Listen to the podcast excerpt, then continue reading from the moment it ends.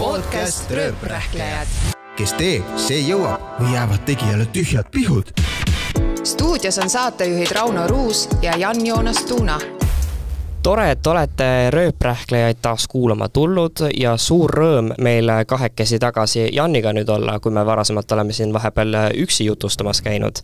jõulud ja aasta lõpp meil läheneb ja see tähendab, et ikka lähevad mõtted möödunud aastale tagasi vaatamisele ja ühtlasi ka tuleviku peale mõtlemisele. nii et see tänane osa ongi meil pisut selline müstiline, tulevikku vaatav, saladuslik, võib-olla isegi natuke kurja kuulutav, sellepärast et aasta lõpus me ikkagi ju kõik tahame teada, mis mis meile uus aasta toob ja nüüd me oleme külla kutsunud tulevikunägija Kirsti Valstein-Timmer. tere! ja hoiatus juba ette, et tänast saadet äh, kuulates on teie enda otsustada, mida te usute ja mida mitte ja meie ei äh, propageeri midagi kellegi jaoks, aga sellegipoolest äh, tuleb tänane saade väga huvitav. ütle, kuidas need tuleviku vaatamine sulle üldse südamelähedaseks äh, on saanud, sellepärast et äh, noh, ikka seltskondades mõni ütleb, et ah, ma tean küll, mis tuleb. kuidas sina oled äh, leidnud, et üldse tuleviku vaatamine on sinu teema? ma olen sellisest suguvõsast pärit, kus on viis põlve, keda ma tean nagu ees, kõik, kõik on nägijad, kogu mu emapoolne suguvõsa. et ei ole keegi sellest pääsenud, ma olen alati rääkinud seda lõbusat lugu, kuidas mul äh, üks, sugulane talle ei meeldinud see, et ta näeb neid asju ette ja siis ta otsustas, et hakkab taimetoitlaseks, et äkki siis läheb üle. ja kas läks? ei et see ei ole haigus, mis ei, see ei ole haigus. et selle eest sa ei pääse ja et kui sul on see antud äh, vereliiniga sünnist saati, et lihtsalt äh, sina näed neid asju, mida teised ei näe, siis, siis sellest sa ära ei jookse ja, ja midagi sinna teha ei ole, et see on see, mis lihtsalt on aga siin on nagu väga palju seda terminoloogiat ka, et äh, kuidas sa nagu iseennast selle, just siis nagu selle ameti nimest äh,, ameti, ametinimega nagu defineerid, et siin on erinevaid nimesid, siin võib olla nõid, ennustaja, astroloog, kaardimoor või kud-, mida sa nagu endale ise omistad? jaa, vaata astroloog on see, kes saab õppida seda asju, eks või asja, on ju, tema äh, õpib astroloogilisi kaarte ja, ja selle järgi, see on nagu teadus aga, aga mina olen ennast defineerinud niimoodi, et kuna, kuna ma ennustan inimestele, eks ju, siis ma olen ennustaja ja kuna ma eh, oskan inimesi tegelikult ka ravida, aga mulle ei meeldi seda teha, ma teen seda ainult oma eh, lähedastega ja oma sõpradega, sest et eh, see võtab hästi palju energiat ja ja ikkagi paraku on nii, et sa võtad neid asju endale külge, kui sa kedagi aitad, siis eh, ja kuna ma oskan ka noh, ma ei tea, kust see tuleb, kuidas seda lihtsalt nagu antakse sulle, et kui äh, inimesel midagi kusagilt valutab, ma näen selle ära, siis ma oskan öelda, mida ta tegema peab. ehk et äh, see on selline nagu nõiakunst. ja ma kuidagi ka tean neid asju, et äh, see lihtsalt nagu noh, see info kuidagi nagu jõuab minuni, et mida ma pean millega kokku panema, et, et, et saada siis äh, lahendust. ehk et äh, nõid on ka päris okei okay no milliseid praktikaid sa oma töös kasutad, et äh, ma tean, et sul on need tarokaardid, mis mm -hmm. Mhm. teed taroskoope, aga kas on ka, ma ei tea, viirukeid, voodoo, nukke, ma ei tea, inimverega ennustatakse ka mingeid selliseid asju? ja inimveri säilitab hästi palju informatsiooni. mina kasutan äh, äh, taro, tarokaarte ja siis kasutan täiesti tavalisi mängukaarte, neid ma loen, nendega ei jää ükski saladus peitu inimese kohta, et vahel inimene tuleb vastuvõtule ja ütleb mulle, et no et ma tulin sellepärast, et äh, ma tahan teada, kuidas mul tööl läheb. Ja siis ma kõigepealt vaatan ära nende tavaliste kaartidega ja hästi tihti juhtub seda, et ma küsin, et äh, kas see töö on ikka oluline, et või sa tulid sellepärast, et sul on kaks suhet, sest et see tuleb sealt välja, et ega nendega petta ei saa. et aga äh, mis vahe siis on äh, selles mõttes, et mida sa näed tarokaartidega ja mida sa näed tavaliste kaartidega? tarokaartidega tuleb esitada küsimus, tarokaartidega ma saan nagu vastuseid, lahendusi, aga, aga tavaliste kaartidega vaatan ma tavaliselt igal vastuvõtul igale inimesele ära tema tuleva aasta, siis sellest hetkest, kui tema minu juurde tuleb, nagu aasta. ja sealt tulevad välja siis kõik need asjad, mis tal tegelikult südame peal on ka aga mis puudutab igasugust voodoo teemat, siis äh, jah, ma valdan voodoo teemat ka ja, ja igasuguseid nukke, igasuguseid rituaale aga kui suur Eestis on see konkurents sellel turul, et kui palju toimetab sinuga samas valdkonnas inimesi, kas meil üldse on neid väga palju siin Eestis ja kui palju neist on siis need nii-öelda šarlatanid? no kui võtta, meil on neid tegijaid kuidagi väga palju ja neid tuleb järjest juurde ja mõned käivad mingitel kursustel, kaardi lugemise kursustel, mis ajavad mind tohutult naerma, sa ei saa õppida kaarte panema, sest et ükski kaardikombinatsioon, ma võin võtta samad kaardid praegu, kolm kaarti, panen need sulla ja panen sulle kolm kaarti ja see ei tähenda kunagi ühte ja sama asja. et äh, kaardid, äh, kaardi tähendusi ei ole mõtet pähe õppida endale, sest tegelikult kaardil ei ole tähendust, kaardid äh, jutustavad, nagu, nagu sa loed raamatut, raamatud on kõik, eks ju, ühesugused, et paberid ja on kaaned ja kõik, et aga sisu on erinev. aga sa võid teha kümme ühesuurust raamatut, ühe paksust raamatut, aga sisu on erinev. et kaartide puhul on samamoodi, et sa ei saa õppida neid lugema ja, ja neid inimesi, kes siis äh, niimoodi õpivad tähendusi pähe ja siis inimestele näitavad neid, nii, nüüd tuli see kaart, ehk et see on see, see on bullshit. ja neid šarlatane on äh, selle koha pealt väga palju, nagu seeni peale vihma. on, äh, on mõned väga head tegijad, aga ütleme seda sellist konkurentsi head selles mõttes, et petavad ära või? ei, kes Aa, on nagu, nagu päriselt, päriselt tegijad, jaa, jaa et aga, aga ütleme nii, et no ma just jälle avastasin näiteks, et äh, ma olen nüüd teinud äh, kaks pool aastat või kaks aastat või oma küünlaid. Ja ka siin üks väga äh, tuntud tegija järsku paneb üles kõik täpselt samasugused küünlad, isegi samasugused ümbrised ostnud nagu mul ja kõik täpselt selliste tähenduste ja asjadega ja ja siis hakkas üks teine tuntud nõid tegema ühtesid teistsuguseid küünlaid ja täna juba nägin selle, äh, sellesama, kes siis minu küünlaid koppis, tema lehel juba ka täpselt samasuguseid teisi küünlaid, sõnumiküünlaid, nii et noh, ütleme sellist varastamist ja asja käib väga palju. aga saad sa midagi teha, tarbijakaitsesse ju ei pöördu sellise asjaga või? Äh, ma ei ole öö, oma osasi asju lihtsalt nii loll olin, et ei patenteerinud ära, et muidu oleks saanud küll, aga, aga mul äh, ikkagi sellised põhikaubamärgid on, on mul patenteeritud ja, ja kaitstud, jah no sa rääkisid, ma kuskilt lugesin, et selle esoteerikani või üldse selle ennustamiseni jõudsid sa neljateistaastaselt, kui sa jõudsid ise nõia juurde ja sealt tema kuidagi ütles sulle, et hakka sellega tegelema, mis lugu see täpselt oli? no tegelikult oli see, et kui ma olin väike ja me mängisime kaarte näiteks, siis äh, teiste jaoks olid ärtud potid äh, ruutud, mina ütlesin ära, mis kellelgi tuleb. See on kõige halvem, halvem see võis üsna hirmus olla tegelikult niimoodi. jaa, aga ma äh, mingis vanuses, kui sa oled selline noor, siis natuke nagu häbened seda, et sa oled teistsugune, noh et teised on kõik sellised normaalsed ja siis sina räägid mingit oma juttu, et mul aina, ainult täditütrega koos oli see, et meil olid sellised mängud, kus me meid ei huvitanud kunagi mängida mingeid printsesse ega midagi, meie olime alati mustlased ja meil oli oma Rosita salong ja me muudkui ennustasime. et äh, sest, et noh, me lugesime kaarte siis sellel ajal juba, kui me väikesed olime, aga teistele väga ei julenud mingil hetkel öelda, et see oli kuidagi piinlik ja, ja noh, natuke nagu olid äh, hulluke ja neljateistaastane, kui ma olin, siis tõepoolest minu ema hotellis äh, oli üks naine, kes oli üks väga kõva nõid ja ta ütles mulle ühel päeval, et äh, tule minuga korra teise tuppa. Ja läksin temaga sinna teise tuppa, siis ta pani kaardid mulle ette, täiesti tavalised mängukaardid ja ütles, et äh, mis sa siit loed. siis ma lugesin nagu raamatut ja siis ta ütles, ma teadsin, ma teadsin, oih, sõrmus lendas minema tuli kohe niimoodi emotsiooniga? jaa, see tuli emotsiooniga. ja, ja siis ta ütles mulle ka, et, et miks sa seda maha surud, et, et miks sa, miks sa arvad, et see kuidagi nagu halb on. ja siis, siis ma temaga niimoodi vesteldes seal, mu ema ju on eluaeg kaarte pannud ja ja mitte nüüd enam, et aga, aga varem ja, ja siis äh, ma ütlesin, et ma ei tea, et et noh, see, et kui vanemad inimesed seda teevad, on okei okay,, et aga et, et ma nagu ei julge. aga siis äh, peale seda ma ikkagi sõbrannadele hakkasin kaarte panema ja oma eksamipiletid ja asjad vaatasin ikka ette ära, et jah. issand, me oleks võinud ko üheskoos koolis õppida meil on vist järgmine nädal eksamid tulemas. mis need, mis need Eesti inimeste sagedased mured on, on need suhted, raha, tervis? kõik need asjad.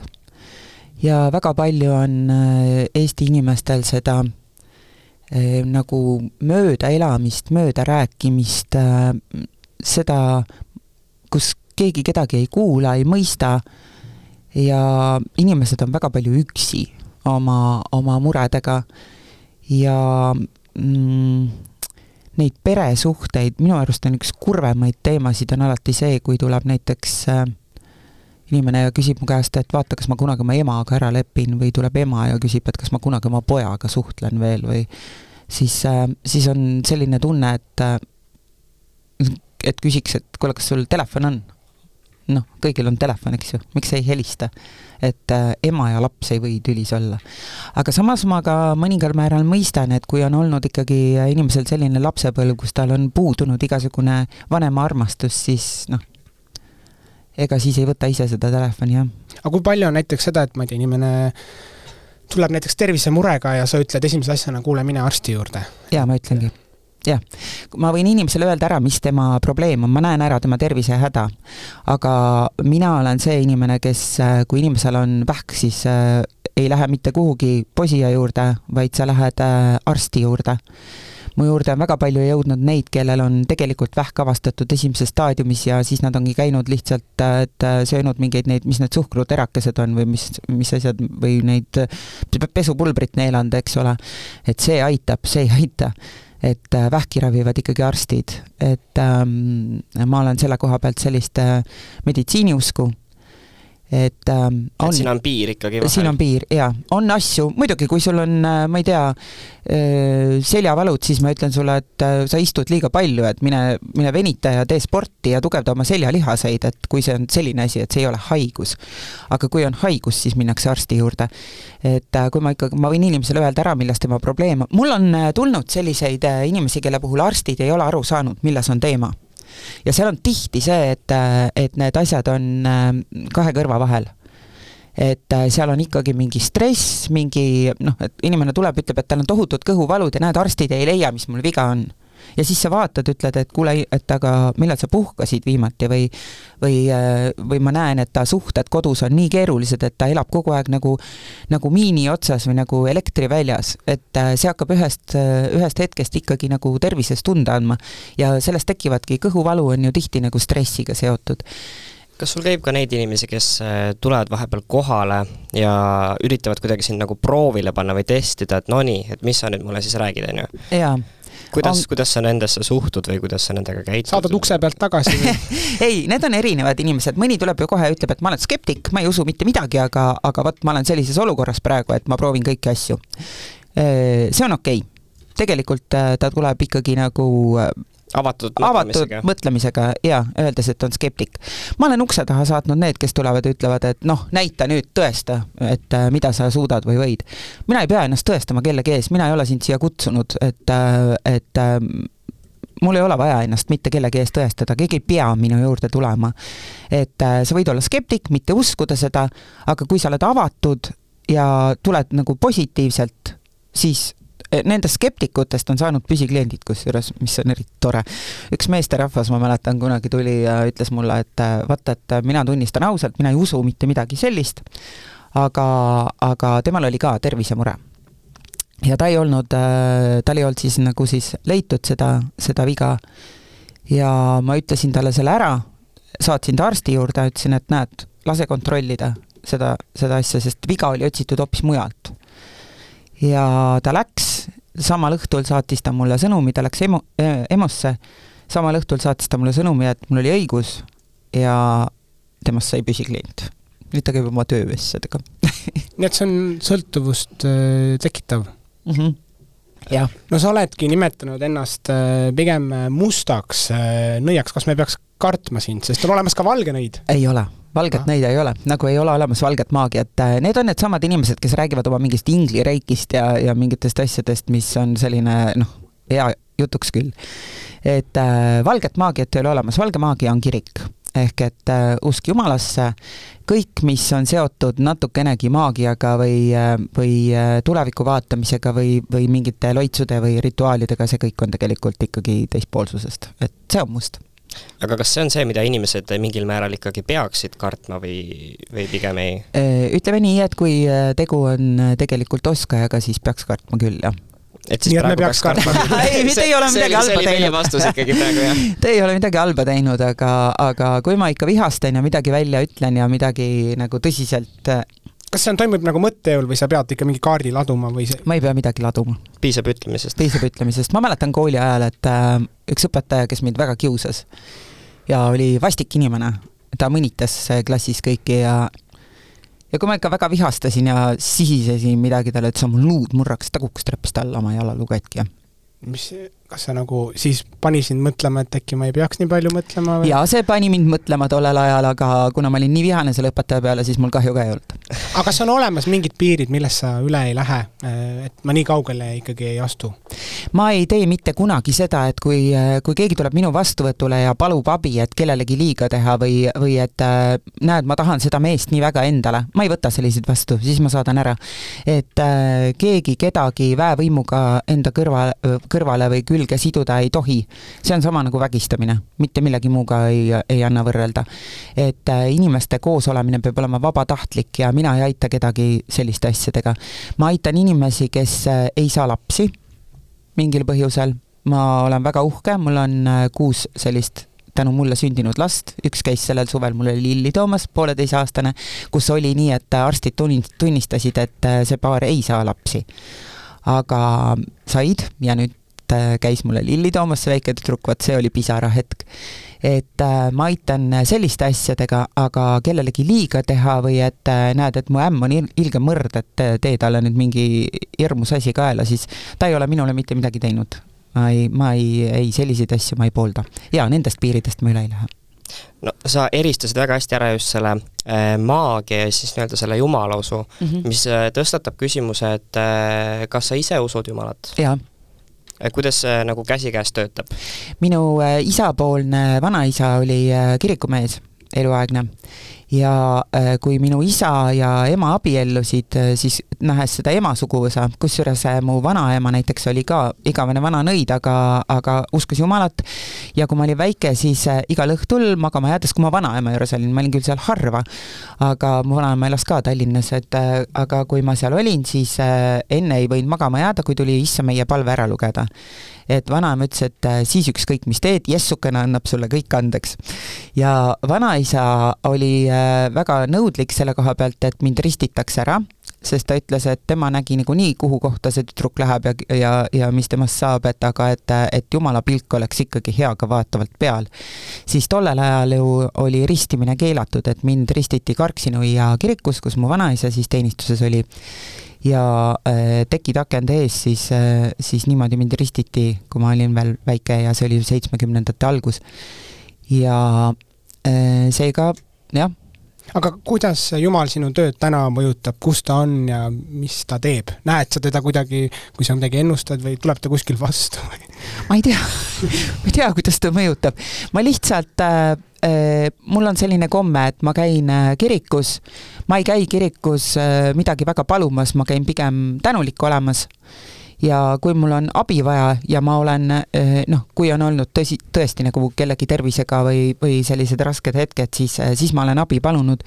Ja need on nii läinud, nagu ma olen soovinud. ma ei tea, kas see on siis sellest või või, või, või millest või ma igal juhul tunnen nagu, et ma olen elus hoitud ja ma oskan selle eest tänulik olla, et äh, ta ei, jumalaga koos kaarte ma ei pane. Aga vahel šampanjapokaaliga tervitan küll et tal ikka hästi oleks liigume korra tõsisematele teemadele, nagu sa ütlesid, äh, pole olemas valget maagiat, on see mm -hmm. üks must ja, ja üks äh, tegelane, kui niimoodi saab nimetada, kes musta, mustade jõududes äh, tegeleb, äh, paikneb, on, jah, on surm, on ju mm. -hmm. kui palju sina oled oma elus seda, sa oled öelnud, et see surm on selline kaval mees, et kena mees kaval kena, ju. su enda kogemuse pealt, kui tihti sa oled teda kohanud? ma olen olnud ise surmasuus ja ta andis mulle teise võimaluse. ja Äh, oma vastuvõttudel surm on selline tegelane, kes äh, ma võin öelda, et äh, läbi nagu, või kui mina vaatan kaarte, siis surma kaudu saan ma väga palju infot. et see näiteks on alati väga tore skeptikute puhul. et kui inimene vajab mingit tõestust ikkagi natuke, siis surm näitab mulle alati ära, kas ta on olnud selle inimese kõrval ja mis olukorras ja siis sa ütled inimesele, et aa, sul on olnud selline autoavarii või ei, äh, sa said teise võimaluse elus või ja, ja tal on vaip võetud. või siis äh, olen näinud inimest, kes äh,, kes oli ära uppunud, aga anti teine võimalus ja, ja surm no on natuke eputav ka, et ta ikkagi nagu alati tahab, et tema tuuakse sinna kaartidesse sisse, kui ta on selle inimese elus olnud. Aga eh, läbi surmainfot eh, saan ma väga hästi tänu sellele, et eh, vanaema õpetas mind, kui ma olin väike, nelja-aastane või ta ei õpetanud mind, ta suunas mind mm, suhtlema surnutega surnuaial. sellepärast, et vanaema käis kogu aeg surnuaias ja ta võttis alati mu kaasa, mulle väga meeldis surnuaedades käia, ma käisin vanaemaga igal laupäeval surnuaias, sest see mulle meeldis väga. siis ma alati küsisin, et kas sa lähed laupäeval surnuaeda, ta ütles, et jaa, lähen, siis ma läksin kaasa. ja siis, et mul igav ei oleks, ta ütles, et mine vaata, kuidas nad elasid, et ta õpetas mind äh, kuulama, saama vastuseid. ja mul on selle koha pealt, äh, ma võin öelda, et see on üks minu lemmikteemasid, et inimesed, kes tulevad, kelle lähedane on lahkunud või kellel kummitab või, või äh, kellel on lähedane teinud enestapu jätmata maha kirja, siis äh, läbi surma saan ma hästi palju infot ja see on võib-olla üks minu lemmikteemasid üldse, mulle ei meeldi väga vaadata inimeste suhteid, vaid äh, räägib suhteekspert. jah, räägib suhteekspert, ja et äh, sest äh, surmateemad on huvitavamad minu jaoks. Ja, ja mm, aga mis see sinu kogemus oli selle mul oli kopsutromb. Ja, ja ma olin ikkagi nagu noh, see, et ma ellu jäin, oli, oli ime minu juures käisid Tartu kõik mingid kopsuarstid ja professorid, et äh, uurimas ja täpselt küsimas, et mida ma ikkagi tegin ja kuidas ma siis ikkagi tegin, et ma ellu jäin.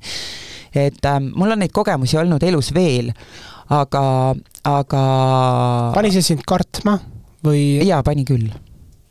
see lihtsalt pani mitte kartma, noh, me ei karda surma vaid äh, kuna ma olen ema ja mul olid lapsed väikesed, siis, siis see pani mind lihtsalt kartma seda, et et elu on nii üürike, et ma ikkagi tahan näha oma lapsi suureks kasvamas, ma tahan näha nende lapsi, ma tahan elada, ma ei taha, ma ei taha seda kusagilt teispoolsusest vaadata. et äh, see on see, kui, kui sa oled, kui ma oleks olnud äh, ilma lasteta, siis noh, võib-olla mulle oleks jälle tundunud see põnev, aga aga, aga ei. mis see teine võimalus tähendab? Teine võimalus tähendab seda, et äh, minu puhul see oligi see, et äh, äh, sind pannakse sellisesse olukorda elus, kui sa oled natuke valel teel. ehk et sind raputatakse, sa saad aru, et äh, mulle millegipärast ju praegu anti see uus võimalus, eks ju et kui arstid ütlevad, et sa ei oleks saanud mitte kuidagi ellu jääda, sest minu veres oli hapnikku mingi seitseteist protsenti ja sellega inimene ei saa elada. aga mina elasin ja, ja, ja siis oligi see, et äh, ma käisin veel pärast andmas hästi palju mingit infot, sest et äh, seda minu teemat arutati mingitel arstide konverentsidel, et, et kuidas on võimalik, et inimene jäi sellega ellu. ja äh, see teine võimalus ongi see, et ma, ma hakkasin mõtlema siis, et mida ma siis teen nii, et, et ma nagu ei ole teinud asju õigesti, et, et miks mind niimoodi raputati ja ühel öösel ma nägin unes, kui mulle öeldi, et äh, aga sa ei kasuta oma võimeid selleks, miks need sulle antud on. et sa toona siis veel ei äh, ma ei võtnud inimesi vastu, jah, ja siis ma hakkasin võtma. tervis läks korda ka ikkagi eesmärk on olemas mm. -hmm. aga kuidas need äh, võimed on su igapäevaelu selles osas muutnud, et äh, meenub sulle näiteks a la mingisuguseid lugusid, äh, kus must kass läheb üle tee, sa pöörad ümber ja hiljem saad teada, et oled pääsenud mingisugusest õnnetusest või must kass on nii tore kass, ta ei lähe üle tee sellepärast, et sulle õnnetust tuua, ta läheb üle tee, sest tal on vaja kuhugi minna. see on see, mida sümboliseeritakse selle musta kassi ümber, on ju? see on kõik vale tegelikult, et kass läheb üle tee, sest tal on vaja üle tee minna, ta läheb teisele poole teed, äkki seal on parem saak. aga midagi muud sellist sümboliseerivat võib-olla, et kas sa oled jaa, mina, äh, mina ikkagi tea, oled lennujaamas, tunned, et vot selle lennukile ma ei astu või midagi sellist? jaa, mul on, äh, mul on selliseid hetki, kus ma olen jätnud kuhugi minemata, näiteks äh, tuleb see tunne peale, et ma ei tea, ma ei taha minna, siis ma ei lähe. see ei ole lihtsalt see emotsioon, et ah, ma ei taha? ei, ei, sa hakkad kuhugi minema ja mõtled, aa, ma ei lähe. et äh, mm, no.. aga sa ei saa nagu teada, et mis siis äh, pärast juhtus, kui sa oleks läinud? no ma toon lihtsalt... näiteks näite, et äh, hakkasin kodust välja minema ja istun autosse ja siis mõtlesin, ah sa pagan, mul jäid mingid, äh, ma ei mäleta, mingi täiesti selline ebaoluline asi, mis jäi maha, milleta ma tegelikult oleksin saanud hakkama. ja siis ma mõtlesin, et aga miks ma selle peale praegu mõtlen, et see jäi maha, ma ju noh, nagu saan ilma selleta hakkama, aga miks ma mõtlen, selge, Kirsti, mine, mine tuppa tagasi, too see ära.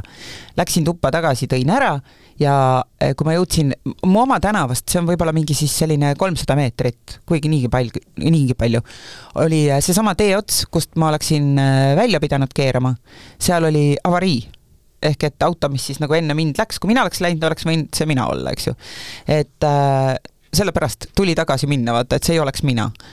Ja, ja selliseid asju on hästi palju, ma olen äh, ühe inimesega kunagi niimoodi tuttavaks saanud, et äh, ma ei teadnud tema olemasolust ega sellest, et ta üldse siin riigis on ega midagi, ja, ja samamoodi sõidan autoga ja järsku nagu saan aru, et issand, tuleb mulle pähe see inimene, nagu mõtlesin, miks ma, miks ma mõtlen tema peale praegu. ja täiesti nagu, nagu juhatatakse sind kuhugi ja siis saad kokku selle inimesega, et äh, neid märke tuleb kuulata. ja see ei ole ju ainult minuga, see on kõikide inimestega, aga inimesed ei oska neid tähele panna või võib-olla ei viitsi nii palju süveneda või me ei kuula ennast nii palju. Need, kes kuulavad, need äh, saavad need vastused ka. aga kui see viib ülemõtlemiseni? esimene tunne on alati õige, kui sa hakkad analüüsima, siis on juba vale et kui sul on see tunne, et mine nüüd tuppa tagasi korra, siis mine kohe, ära analüüsi, miks see tunne sul tuli. lihtsalt pane nagu puu pea lihtsalt, tegutse oma nende instinktide järgi. no vot, see on see hea omadus, kui ei ole seda ülemõtlemise asja, aga paljudel seda täna, tänapäeval paraku kipub olema, et see, see, see ei tuleks nagu kasuks. ei, see ei tule kasuks jah, siis, siis jõuad tupikusse nõia juures käimine käib koos ühe nii-öelda maise tegevusega, mida ka kriitikud nina alla pidevalt hõõruvad, ehk siis äh, hinnakirja ennustamise mm -hmm. eest. Äh, ilmselt sa ei ütle, aga ma küsin ikka, mis summadest me räägime, kui keegi tuleb sinu vastuvõtule? minu vastuvõtt Tallinnas sada kakskümmend viis, Tartus sada nelikümmend eurot. ja kui ja kaua? see on siis tund, jah? ei, see on pool tundi okay.. minu juures saab vastuse oma äh, kolmele küsimusele murele, mis on, ja äh, iga inimene saab ka ennustuse aastaks alguses mu vastuvõtud olid pikemad Mm -hmm. et aga äh, kuna tegelikult ei ole mitte kellelgi nii palju muresid, siis et inimesed hakkasid oma aega täis istuma. ja hakati hakkasid mõtlema koha peal juurde midagi, jah? ja, ja kui läheb juba sinnamaani, et kas ma peaksin ostma valge kaubiku või sinise kaubiku, siis halloo, selleks on su pea, kas sulle meeldib valge kaubik või sinine kaubik et äh, need küsimused läksid lihtsalt nii lolliks ja, ja, ja teine asi oli see, et äh, et mina ei ole prügikast, ma ei jaksa kõike vastu võtta, et inimesed tulid äh, kiruma oma naabreid, oma sõbrannasid, ma ei taha seda teada. mind ei huvita need asjad, et ära tule mulle oma elu jutustama seal ja öö, oma mingeid külaklatši. et see on nagu psühholoogi roll ei, lihtsalt hakati aega täis rääkima. Et äh, kui inimesel on äh, konkreetsed äh,, ma annan alati juhised kaasa, mis on vaja, et et tulla vastuvõtule, et sa valmistad ette oma need kolm küsimust, siis inimene tuleb ettevalmistunult, ta mõtleb läbi, ta saab aru nagu, mis on tema elus tähtsam, kas ma selle asja lahendan ise ära või, või kas ma seda, sellega saan ise hakkama või ma küsin seda. et see on, see on lugupidamine nii minu kui tema vastu, eks ju, et me, me kasutame seda aega niimoodi, et sa saaksid võimalikult palju abi minu käest. mitte, et äh, latrame niisi, niisama, et kas mu autol läheb nüüd siis veepump või läheb see mingi keneka mingi asi, noh no, päriselt, päriselt inimesed tulevad küsima selliseid küsimusi? ja, ja, ja ma olen saanud küsimusi, et äh, äh, kas, kas kartulisaak sellel aastal tuleb äh, suurem ja kui mitu tonni? kui ma põllumees olen. ma ütlesin, et jaa, aga kahjuks kaardid ei ennusta kartulitele ja seal ei ole kirjas mitu tonni. see on ikkagi rohkem selle see on rohkem põllumajandus, põllumees, ise sa pead ju nägema ja tead, sina tead oma ilma, ilma ja asju, et äh, mina räägin sulle tulevikku, mitte see kartulisaak. kõik on ikka, mis on ikkagi selle nagu vaimu ja vaimse poolega seotud, et pigem ikkagi kõik see, et äh, füüsiline on juba, juba natukene teine asi. on sul kuldkliendi staatusega inimesi ka? jaa, on ja, ja mul on inimesi, keda, ma ei ole selle koha pealt selline, et ma olen rahaahne, et muudkui aga tule, tule. et kui inimene hakkab liiga tihti käima, siis ma keelan tal tulla. et äh, mul on üks meesterahvas, kellel on keeld peal, siis on üks äh, naisterahvas, kellel on keeld peal, ma ei luba tal tulla tihedamini kui kord aastas. sest et äh, muidu läks juba nii, et äh, inimene ei taha ise nagu enam üldse oma peaga mõelda ega otsuseid vastu võtta. et siis ma keelan ära, et äh, öelda seda, et on õiad oma ahnuses, mida teevad, ei, ma ei tee seda, et äh, ma ei luba inimesel niimoodi konksu otsa jääda aga kus sa, kui sa just räägid, et äh, noh, et vastuvõtud lähevad, läksid sul lühemaks, on ju, just mhm. sellepärast inimesed hakkasid heietama, äh, kus sa selle, kus sa selle info nagu endas hoiad või lased sa kuidagi läbi selle või noh, kui sul käib päevas, ma ei tea, viis või kümme inimest, on ju, kus, sa ei saa ju seda kõike võtta nagu Siis hing nagu... hinge, isegi kui seal on mingid tõsised ei, ma ei asjad. võtagi. päeva lõpuks oleks siis täiesti laip maas, ei ma ei võtagi. et äh, kui inimene läheb minu juurest uksest välja, siis ma ei mäleta tema nägu, tema nime, tema lugu, kui ei ole just midagi väga erilist, noh, mingid väga erilised lood jäävad meelde ja mõned väga erilised lood lähevad hinge ka. mis on erilisem lugu olnud? Äh, ma ei taha rääkida inimeste lugu, lugusid, aga mis mulle hinge lähevad ja, ja mida, noh, mida ma ikkagi nagu äh, põen, on laste surmad. et aga sa ütled, kui sa seda näed? ei, ma, ma mõtlen, ei, ma ei ütle sellist asja kunagi. aga ma, kui keegi tuleb, sest ta on kaotanud lapse või ta laps on haiglas äh, väga raskes olukorras, kust ei tule välja näiteks enam. ma neid inimesi tavaliselt äh, aitan ikkagi tasuta, et neid äh,, siis ma raha ei võta, mul on äh, helistanud isa reanimatsioonist, kelle poeg äh, autoavariis äh,, väike poeg autoavariis äh, viidi koomas haiglasse ja see isa helistas mulle, ma mäletan kell kümme õhtul vist oli, ma olin nii vihane, ma mõtlesin, mingi võõras inimene helistab mulle kell kümme õhtul, et tal on abi vaja. ja siis, kui ta ütles, mis seis on ja ta ütles, et, et ta ei suuda, et see teadmatus on nagu kordades hullem, et äh, parem nagu õudne lõpp või noh, nagu et ta tahtis seda tead-, teadmist ja küsis, et kuidas ma saan tasuda, et äh, siis on selge, et ma aitan teda ja ma ei võta selle eest tasu, et mul, ma olen ka inimene. aga, aga neid äh, igapäevaseid selliseid, et mul on ainult üks küsimus ja see on minu töö ja neid, kes iga päev saadavad, et aga mul on ju ainult üks mingi lihtne küsimus, et äh, vaata korra, et äh, kui ma teeksin seda tasuta, siis ma ei saaks äh, magada ka öösel, ma peaksin kogu aeg neid kõik, mille järgi ma siis selekteerin, keda ma aitan, keda mitte chat GPT appi võtma. jah, just, siis ma võiksingi ainult hommikust õhtuni neid äh, vastuseid anda nendele inimestele, sest et äh, inimesed on tegelikult väga nahaalsed ja, ja seda, et ja tõmbavad käe. jaa, just. Et äh, seesama jutt nagu räägitakse, et õige nõid aitab tasuta, minu vana-vanaema oli ennustaja, tema ennustas tasuta. sinu vana-vanaema ennustas tasuta kusagil väikeses Kolka külas oma kolmele naabrimutile, onju.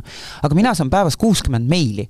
et äh, kui ma kõiki neid tasuta aitaksin, siis mis ma siis ise teen, lähen tänavale ja olen, olen abivajaja riigile, et äh, palun abi, et aidake mind, sest ma muudkui aitan teisi tasuta, et riik ei aita mind sellega. ma pean ju makse maksma, mul on äh, mul on kaks vastuvõturuumi renditud nii Tallinnas kui Tartus, eks ju, keegi ei tee mulle soodukat äh, nende üüride eest ja, ja elektri või, või gaasiarvete eest, et, et kuule, sa ju aitad inimesi, et, et äh, tegelikult see on töö ja töö on tasuline ja tasustatav, keegi ei ole päris ori, et peab tasuta tööd tegema, et see on loll jutt. ja siis tuuakse näiteid, et aga Vigala sass, vaat tema tegi nii. Vigala sass, inimesed ei tea seda, et nii rumalat juttu aetakse Vigala sassi juurde, kui inimesed läksid, siis kõigepealt sass pani nad põllule tööle. nädal aega pidid töötama teema heaks ja siis sass vaatas sul. siis ei ole pakkuda mingit tööd või? põllu peal. mul pole põldu. ja siis sass Toa vaatas, kas ta aitab sind või ei aita, sõltuvalt, milline inimene minge sa olid. Timmeri juurde autot pesema või midagi. no näiteks jah maja võib-olla vajab äh, suur puhastust kevadel. Äh, mul on koristaja et, et jah, et aga noh, võib ju näiteks, ma ei tea, et mulle, kui ma helistan korstnapühkijale, ütlen, et kuule, tule pühi mu korstent või, või ütlen, et äh, ma ei tea, tulge ehitage mulle uus aed, siis keegi ei tule seda tasuta tegema. vot, tuleb millestki elada. aga me liigume tegelikult äh, kuidas ma ütlen, natukene teises suunas ja liigume tegelikult ajas natuke rohkem tagasi, et enne nii-öelda oma siis pra- praegust igapäevast tööd sa töötasid aastakümneid Teles ja raadios mm, -hmm. äh, alustasid meie teada sa kaheksateistaastaselt äh, ETV Majas siis äh, ja isegi Urmas Oti saates mm. -hmm. see on vast jackpot ikkagi ühele telehuvilisele noorele, me siin oleme päris kadedad, et selliseid võimalusi meil pole olnud enam see ei avane. ja meil avane seda ka ei avane. Aga milliseid õpetussõnu või mida õpetas sulle Urmas Ott, kui sa mõtled, mis on meelde jäänud? Urmas Otiga, kui mina hakkasin tööle, siis mina olin tegelikult režissöör Toomas Kirsi assistent, et äh, aga Ott ütles mulle alati, et äh, no niikuinii sa ekraanile lähed, et sa oled seda tüüpi. ja mida ta mulle õpetas, oli see, et äh, ära kunagi ürita kõigile meeldida. Et kui sa kõigile meeldid, siis sa äh,, kõigile meeldima peavad prostituut ja viiesaja eurone. noh, tollel ajal teine rahatähtaeg, et äh, eh, ta ütles mulle, et mida rohkem sa suudad inimesi ärritada, seda rohkem nad sind jälgivad. ja mis on kuldsed õpetussõnad. ta ütles, et äh, alati tuleb igasse saatesse pista sisse mingi tükike skandaali, millest kõik räägivad, ükskõik kui loll see on. seda ma kasutasin ja, ja mida ta veel õpetas, oli see, et äh, sa võid olla, sellest me, me, me rääkisimegi, sa võid olla maailmakuulus ja, ja tema puhul siis ühe kuuendiku planeedi peal, eks ju, selline staar, aga tegelikult oli ta väga üksi, sest et äh, kui ta oma Venemaa reisidel oli ja äh, mina elasin siis veel vanematega koos ja kui meil öösel kell tavaliselt pool neli, neli, see kaugekõne telefonihelin tollel ajal oli selline hästi pikk tirin. kui see hakkas pihta, siis see telefon oli mu ema voodi kõrval ja ema võttis alati vastu, ütles, et tere, Urmas. ja siis Urmas ütles mulle alati, et no näed, see su ema on ju ikkagi, et ta on niisugune nõid, et ta saab alati aru, et mina helistan, ma ütlesin, Urmas, sellel ei ole nõidusega mingit pistmist. sa oled ainuke, kes ainukene, kes kauge kõnega kell neli öösel helistab et äh... aga no Urmas Ott on ju, oli ju teada-tuntud temperamentne inimene mm, -hmm. vihastas, vihastas ta sind ka mõni hetk välja, sa ütlesid, noh, läksid nurga taha, hoidsid peast kinni. jaa, ma olen nutnud Oti pärast, äh, siis kui oli kroonipall, kui tuli Eesti kroon ja, ja ähm, peaminister pidi jõudma siis äh, meie saatesse öötelevisiooni ja ta, ta jõudis täpselt õigel ajal, eks ju, aga, aga ta, Oti arvates oleks ta võinud varem kohal olla, aga ta tuli kroonipallilt Viljandist. ja, ja siis Urmas nagu tõstis mu peale häält korra, et miks ta siin ei ole, ma ütlesin, et kas sina leppisid temaga kokku? Ja siis ma hakkasin mõtlema ja siis ma vihastasin, ma ütlesin, ma ei tööta sinuga enam. ja äh, Ott oli selline mees, et ega ta noh, ta oli rohkem küll žestide mees äh, avalikult, nii et aga pärast ta ikkagi äh, vedis mind kõrvaltuppa sinna garderoobi ja pani ukse lukku ja, ja palus vabandust, ma ütlesin, et ma ei anna, või noh, et ma ei anna sulle niimoodi andeks, ma ei tööta sinuga enam, sest sa tõstsid häält mu peale. ja siis ta ütles, mis, mis ma tegema pean, põlvitama, ma ütlesin, et jah, põlvita jah, ja siis ta põlvitaski. ja siis ma ütlesin, et ossa pagan, et Ott, ma ei tööta sinuga, ma ei tööta sinuga mitte kunagi, aga selle pildi ma jätan jätan omale elu lõpuni meelde, kuidas Urmas Ott oli mu ees põlvil ja palus vabandust, aga noh, ta tegelikult oli väga tore inimene, et äh, omasid ta väga hoidis ja, ja kui tema käis äh, Moskvas ja siis meil ei olnud siin selliseid asju, siis ta tõi alati välismaa suitsu ja apelsine. et äh, ta väga hoidis omasid ja, ja, ja mul on ainult nagu positiivsed mälestused, mul on hea meel, et äh, paar päeva enne tema surma, see võis olla, päris nädalat ei olnud, võib-olla kuus päeva, ma helistasin talle ja äh, ja me saime mingid asjad räägitud ja, ja ma sundisin ka Toomas Kirssi, kes läks ka temaga tülli. Ja nad ei töötanud koos, ma sundisin ka Toomas Kirssi talle helistama, nii et me mõlemad saime seda teha ja saime temaga rääkida ja mul on selle üle hea meel no üks huvitav seos on sul ka Eesti Ekspressiga, äh, kui siis äh, ammu ilmus äh, esimene Eesti Ekspress, siis äh, sa pidid ETV-s ennast tõestama mm, -hmm. äh, pearežissöör äkki oli tema. Äh, et sa pidid saama mingite Saksa filmiinimestega, igatahes sa pidid Hans H. Luigelt saama intervjuu. kes ei andnud intervjuusid. kes on siis äh, siiani Delfi meedia omanik ja lõpuks sa lihtsalt põhimõtteliselt trampisid äh, Luige juures, et äh, anna mulle see intekas. neli tundi neli, neli tundi, tundi. ja ta ütles mulle, et äh, sul ei ole mõtet siin istuda ja Rene Treial oli veel tollel ajal tema seal parem käsi. ja Rene ütles, et kas sa saad aru, siin on kõik istunud, nad on kõik tühjade kätega ära läinud, mis aga mina ei lähe. sest sakslastel on vaja seda, see on esimene selline väljaanne, neil on vaja nagu selle inimesega rääkida, kes hakkas järsku kapitalismi tooma siin. ja, ja ja siis juba sakslased hakkasid ka alla andma, kõhud läksid tühjaks ja et kaua me siis istume siin ja siis, Luik tuli oma kabinetist välja mingilt koosolekult ja hakkas kuhugi minema. ja siis ma lihtsalt jah, seal trampisin jalgu ja ma ei tea, hüsteeritsesin seal temaga ja, ja siis äh, ta käratas mulle peale kuidagi nagu, et kas sa ei saa aru või, et ära raiska aega. ja siis ma ei tea, kust mul see tuli, aga ma ütlesin, et tahad kakelda või ja siis ta hakkas niimoodi naerma, ütles, et davai, hull, teeme ära. ja me saime selle intervjuu ja päris pika ja ta rääkis väga ägedalt ja see oli sakslaste filmis sees ikka päris pikalt see, see intervjuu ja nad olid nii õnnelikud ja ja peale seda Luik otsis ETV-st taga mind, ta tahtis mind Ekspressi tööle saada ja siis ma ütlesin talle, ei tule! Aga on sul veel karjääris meenub mõni lugu, kus vahendeid valimata sa oled läbi seina läinud ikkagi, see on nagu suhteliselt läbi seina ikkagi, ma ei lähe enne minema siit, kui kui ma saan selle. kuigi see on see, mis, mis meile nagu koolis peaks õpetama mm. -hmm. väga nagu ei ole äh, õpetatud seda, mulle tuleb ette. Äh, vot Urmas Ott õpetas mulle seda, et ma mäletan, et olid ka inimesed tollel ajal, kes ei andnud intervjuusid ja, ja noh, see oli juba peale seda Luige, Luige lugu, aga aga olid inimesed, kes ei andnud intervjuusid, siis Ott ütles alati, et ei, ta ei ole olemas.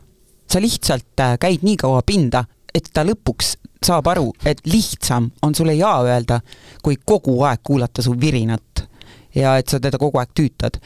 ja, ja nii on, kui sa oled ajakirjanik ja sul on vaja see oma lugu kätte saada, siis sa lihtsalt, äh, kui sind visatakse uksest välja, siis sa ronid aknast sisse, siis sa istud seal ukse taga, hoiad seda ust kinni, et ta sealt välja ei saaks ja nii edasi, et kui, lugu on kõige tähtsam et äh, eks mul on neid äh, selliseid äh, asju olnud küll, et ma mäletan kõige, aga seal ma ei pidanudki nagu midagi tegema, see oli huvitav äh,. kui me tegime saadet Armastuse laul Ruuduga, kus ma töötasin äh, pea kaheksa aastat, üheksa, kaheksa, üheksa, midagi nii, siis äh, mm, oli vaja saada saatesse Jaan Tätte. aga kõik teadsid seda, et äh, Tätte äh, ei viitsi tulla teatud aastaaegadel Tallinnasse. et tema on seal oma Vilsandil ja, ja tal ei ole vaja, ta elab niigi hästi. ja siis äh, ütles mulle meie peaprodutsent Kaupo Karelson, et äh, no ma ei tea, no keegi suudab, no, no püüa, helista. ta nagunii ütleb ära, et noh, tegelikult me oleme sellega arvestanud, aga, aga küsi. ja siis ma helistasin Jaan Tättele, et äh, tere, mina olen Kirsti ja rääkisin oma loo järjest, et nii tore, et sa mulle helistad ja siis ma ütlesin, et aga tegelikult see põhjus ei ole nii tore, miks ma helistan, ma tahan, et sa Tallinnasse tuled, et näed, meil selline lugu ja ja siis äh, Tätte mõtles hetke ja ütles, et davai, ma tulen. ja siis ma ütlesin, et räägime rahast, mis see maksab. Ja siis Tätt ütles, ma ei taha raha. ja siis mul oli küll vot see tunne, et äh, nii rasket asja nii lihtsalt ma ei olegi vist kunagi saanud ja Tätte tuli ja see oli lihtsalt nii tore ja ja ta on nii soe ja armas inimene ja see oli nii soe ja armas lugu kõik, et äh, ETV-st läks sinu tee, teekond justkui väga loogiliselt edasi raadiosse ja erakanalitesse ja produktsioonifirmas, mainisid ka juba. Mõned saated, mis tulid sinu alt, oli siis äh, Naistekas Sky plussis mm, -hmm. Kodutunne, Laula mu laulu Kanal kahes, Oma kohus, Su nägu kõlab tuttavalt TV3-s ja Naistekas oli see üks siis hittsaade, kus siis inimesed helistasid, ma saan aru, stuudiosse ja rääkisid oma muresid mm. -hmm On meil olid teemad alati, see saade oli kümme aastat Sky plussis. no see on mm -hmm. ikkagi jõhkralt kaua mm. -hmm. ja kõige kuulatavam saade Eestis. Ja siiamaani inimestelt, kellelt küsida siis äh, Naistekas Sky pluss, siis neile tuleb see ette, kes mm, -hmm. kes on juba palju neid kuulajaid oli? oi, ma ei tea, ma tean, see, see mingi protsent oli tollel ajal, oli, äh, oli nelikümmend neli protsenti. raadiokuulajatest? jah ehk et laupäeval teistel kanalitel oli kõikidel tühjus. ma tean, et äh, see oli ja see oli ka reklaamimüüjatele nagu, meil oli vahepeal juba see, et me enam ei, protesteerisime raadios, et me ei ole nõus nii palju reklaami oma saates mängima, sest meil ei ole, meil ei ole enam saateaega varsti.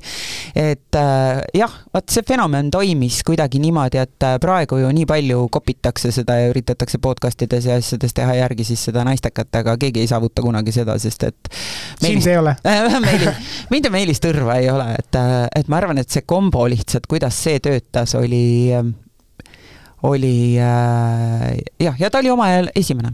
aga on sul meelde jäänud mõni, mõni lugu sealt? ma arvan, et kõige räigem lugu on, see on Youtube'is olemas see lugu on mul meeles jah, et aga ma seda siin ümber jutustada ei taha, kuidas üks tüdruk lihtsalt esimesel date'il restoranis täis lasi ennast. see on Youtube'is olemas, võite kuulata otsime ülesse pärast mm. -hmm aga, aga siis see ka, et äh, kui sa neid kuulad seal lugusid, te andsite seal nõu ka mm, -hmm. et mida nagu teha Äh, kas ei tundunud kuidagi veider praegu, et, et nüüd siis teised nagu räägivad ja siis nagu äh, teiste niimoodi musta pesu pesemine nii-öelda avalikult raadioeetris? no sina nüüd annad nõu kellegi teise elu. aga see toimis, see toimis isegi niimoodi, et meil on olnud selline saade, kus mees helistas ja rääkis oma suhtest. ja oli vist üks kõne vahet, kui helistas tema naine ja hakkas klattima oma mehega asju läbi raadioeetri, et sul ei olnud üldse õigus ja tegelikult on need asjad niimoodi. ja siis helistas see mees jälle niimoodi, et peretüli käis läbi Sky plussi eetri. vot see oli tase, sellest räägiti. et äh, ma arvan, et äh, võib-olla sellist asja pole keegi kunagi üheski eetris kogenud, kogenudki, et äh, et see oli ikka selline saade, et äh, mulle rääkis kunagi Kertu Jukum, kuidas tal äh, emal oli äh, igal laupäeval oli nii, et sõbrannad tulid kokku, kaeti laud, pandi Sky pluss mängima ja siis prouad tipsutasid natukene natukene ka ja keegi ühtegi sõna rääkida ei tohtinud. ja isa ütles iga kord, et issand, nad hakkavad jälle seda haiget saadet kuulama ja läks kodust minema. ja Kertu oli ükskord mõelnud, et kuhu see isa läheb ja läks vaatama, isa läks raadiot kuulama autosse. jah, aga no see nüüd väga paljude noorte lemmikküsimus tegelikult, aga äh, vist oled maininud, et Tinderisse sa ei usu, eks ole mm? -mm. ei ole maininud?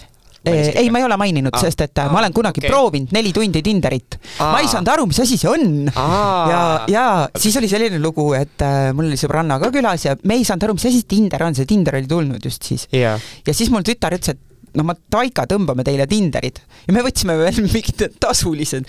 ja siis, kui ma kustutasin Tinderi nelja tunni pärast ära, siis ma ei teadnud, et ma maksin kaks aastat veel seda tasulist ja see ei ole odav tegelikult. ei, see ei ole odav, ma ei saanud aru, kuhu mul see läheb, mingi kogu aeg läheb see mingi summa maha, mis asi see on, onju. ja siis keegi läks mul äh, vaatama, et see, kuhu, kuhu need mingid summad kaovad ja siis, kuule, see on Tinder tasuline. et aga aga siis ma olin neli tundi Tinderis ja tuhat kaheksasada meest oli mind swipe inud paremale. ja hästi paljud mingid noored mehed väga viisakalt ja toredalt olid kirjutanud mulle, et kas sa oled ikka sina, igale poole muidu äh, siis äh, sotsiaalmeediatesse, et näed, et keegi on Tinderis teinud sinu konto ja siis ma ütlesin, jaa, see on minu eksperiment. sest et ma tahtsin teha saadet äh, netitutvustest ja kuidas ma saan teha, kui ma ei tea, mis asi on Tinder, ma ei saa ju rääkida sellest ja siis ma vaatasin neid tuhat kaheksasada meest, ma ei jõua neid läbi swipe ida. ja siis ma mõtlesin, ma kustutan Tinderi ära, okei okay,, ma sain nüüd aru, mis asi see on, et äh, aga näed, maksin edasi, aga kas äh, kas see on nagu hea viis ikkagi siis endale selle ei, ma küsiks niipidi, et kas see armastus on tähtedesse kirjutatud? armastus on tähtedesse kirjutatud, jah. okei okay. okay.. aga liigume siin lõpus ikkagi sinna mm, teemasse, mis ma arvan, kõik kuulajad on äh, tahtnud äh, teada, nimelt see, et aasta hakkab lõppema, aasta mhm. kaks tuhat kakskümmend kolm. Äh, kuulame siia vahele ühte ennustust, mis sa tegid Kanal kahe Mida toob aasta kaks tuhat kakskümmend kolm saates, selle aasta kohta siis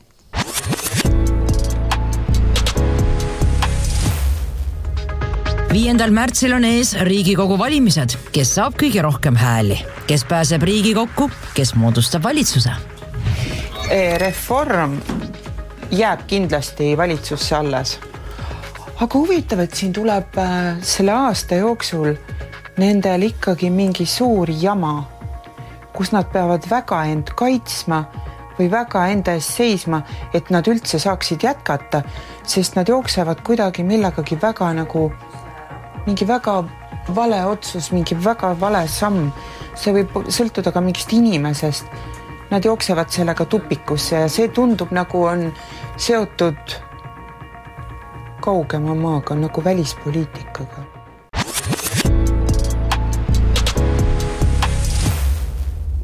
põhimõtteliselt sa panid täppi ja juttu oli siin siis äh, Kaja Kallase idavedude skandaalist mm. -hmm. kui me nii seda tõlgendame. kui me nii seda tõlgendame, kas mm -hmm. me mhm. tõlgendame seda õigesti mm? -hmm on, on, sest ma mäletan veel seda, et me pärast äh, rääkisime eraldi ja, ja ma ei tahtnud seda seal öelda äh, avalikult välja, sest mulle ei meeldi, et Kaja Kallas ei ole ju palunud nagu endale kaarte panna.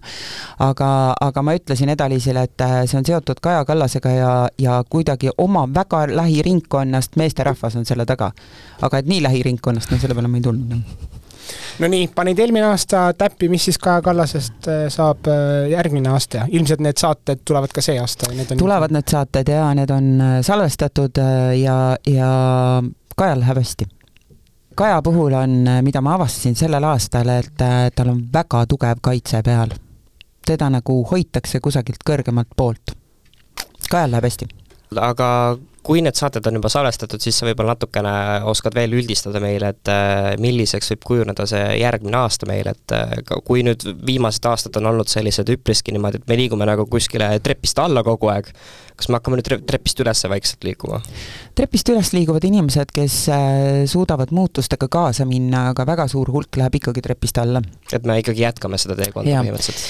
ja me peame olema sellel aastal väga tähelepanelikud, mina nägin nagu looduse ja tulega, see võib tähendada tulekahjusid, metsatulekahjud siis? metsatulekahjud, see võib tähendada vulkaane, see võib tähendada majade põlenguid, ühesõnaga tuli on üks selline ohumärk. ja noorte vaimne tervis on see, millest räägitakse sellel aastal veel väga palju. Järgmisel aastal siis just. räägitakse, aga kas sellega kasu toob, see on juba teine küsimus. see on teine küsimus, sest et sest et seda juba praegu üritatakse teha, aga, aga vist ei ole mingit statistikat suudetud teha, et kas, kas midagi muutub paremaks? tead, ma arvan, et äh, kuni meil on vanemad, kes kasvatavad oma lapsi, kellel ei ole nende jaoks aega, nad ei, äh, kui sa kodust ei saa seda tugevat põhja alla ja, ja kui, äh, kuni meil on koolides veel õpetajad, kes alandavad, mõnitavad ja tänitavad ja ei suuda saada aru, et äh, ei pea kõik ühe vitsaga olema löödud. ja kuni äh, kodudes on äh, seda negatiivset suhtumist teistesse inimestesse, mida lapsed maast madalast kuulevad, kuni netikommentaatorid saavad ennast välja elada, kuni kogu aeg me toidame seda negatiivsust, siis äh, nii kaua ei tule siin ka mingit lahendust. aga mis saab Eesti julgeolekust ja majandusest? issand, ma ei mäleta, no sõda ei tule oh jumal tänatud, siis on ju kõik hästi. aga majandusega, majandusega läheb, läheb äh, väga palju asju veel kinni, seda ma mäletan e.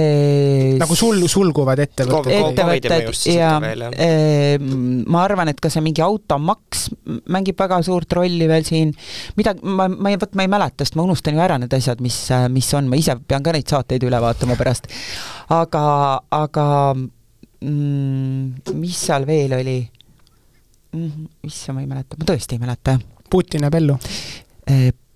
vot seda ma ei vaadanud, kas Putin jääb ellu, aga mingi kokkulepe sõlmitakse, mis on mujalt mõjutatav kokkulepe ja mille puhul ma ütlesin, et see info, mis meieni jõuab, seda ei tasu uskuda see on tagatubade värk. väga palju valeinfot. väga palju valeinfot tuleb, jah. igatahes tuleb uus aasta, uued teod, uued eesmärgid ja vana saab ära saadetud. jah no me hakkame siin vaikselt saadet lõpetama, aga kõigepealt täname sind, et sa meile külla tulid, aga kuna... nii tore, et te kutsusite!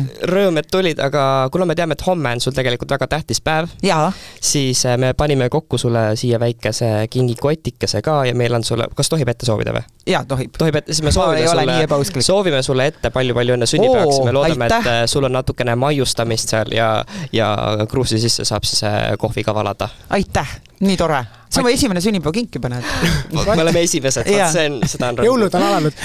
Äh, ja pange tähele, et äh, järgmine kord, kui rööprähklejad kohtuvad, siis äh, me avalikustame oma rööprähklejate mõjukate edetabeli, kus siis on reastatud rahva enda arvates need mõjuvõimsamad isikud, kes möödunud aastal on äh, rahvale kas meeldinud või neid ärritanud. nii et äh, olge liinil ja, ja see saade tuleb väga põnev. kes võidab, seda me kuuleme peagi ja aga seni kuulake meie teisi episoode Delfi taskust, Spotify'st ja Apple podcastist. podcast Rööprähklejad. rööprähklejad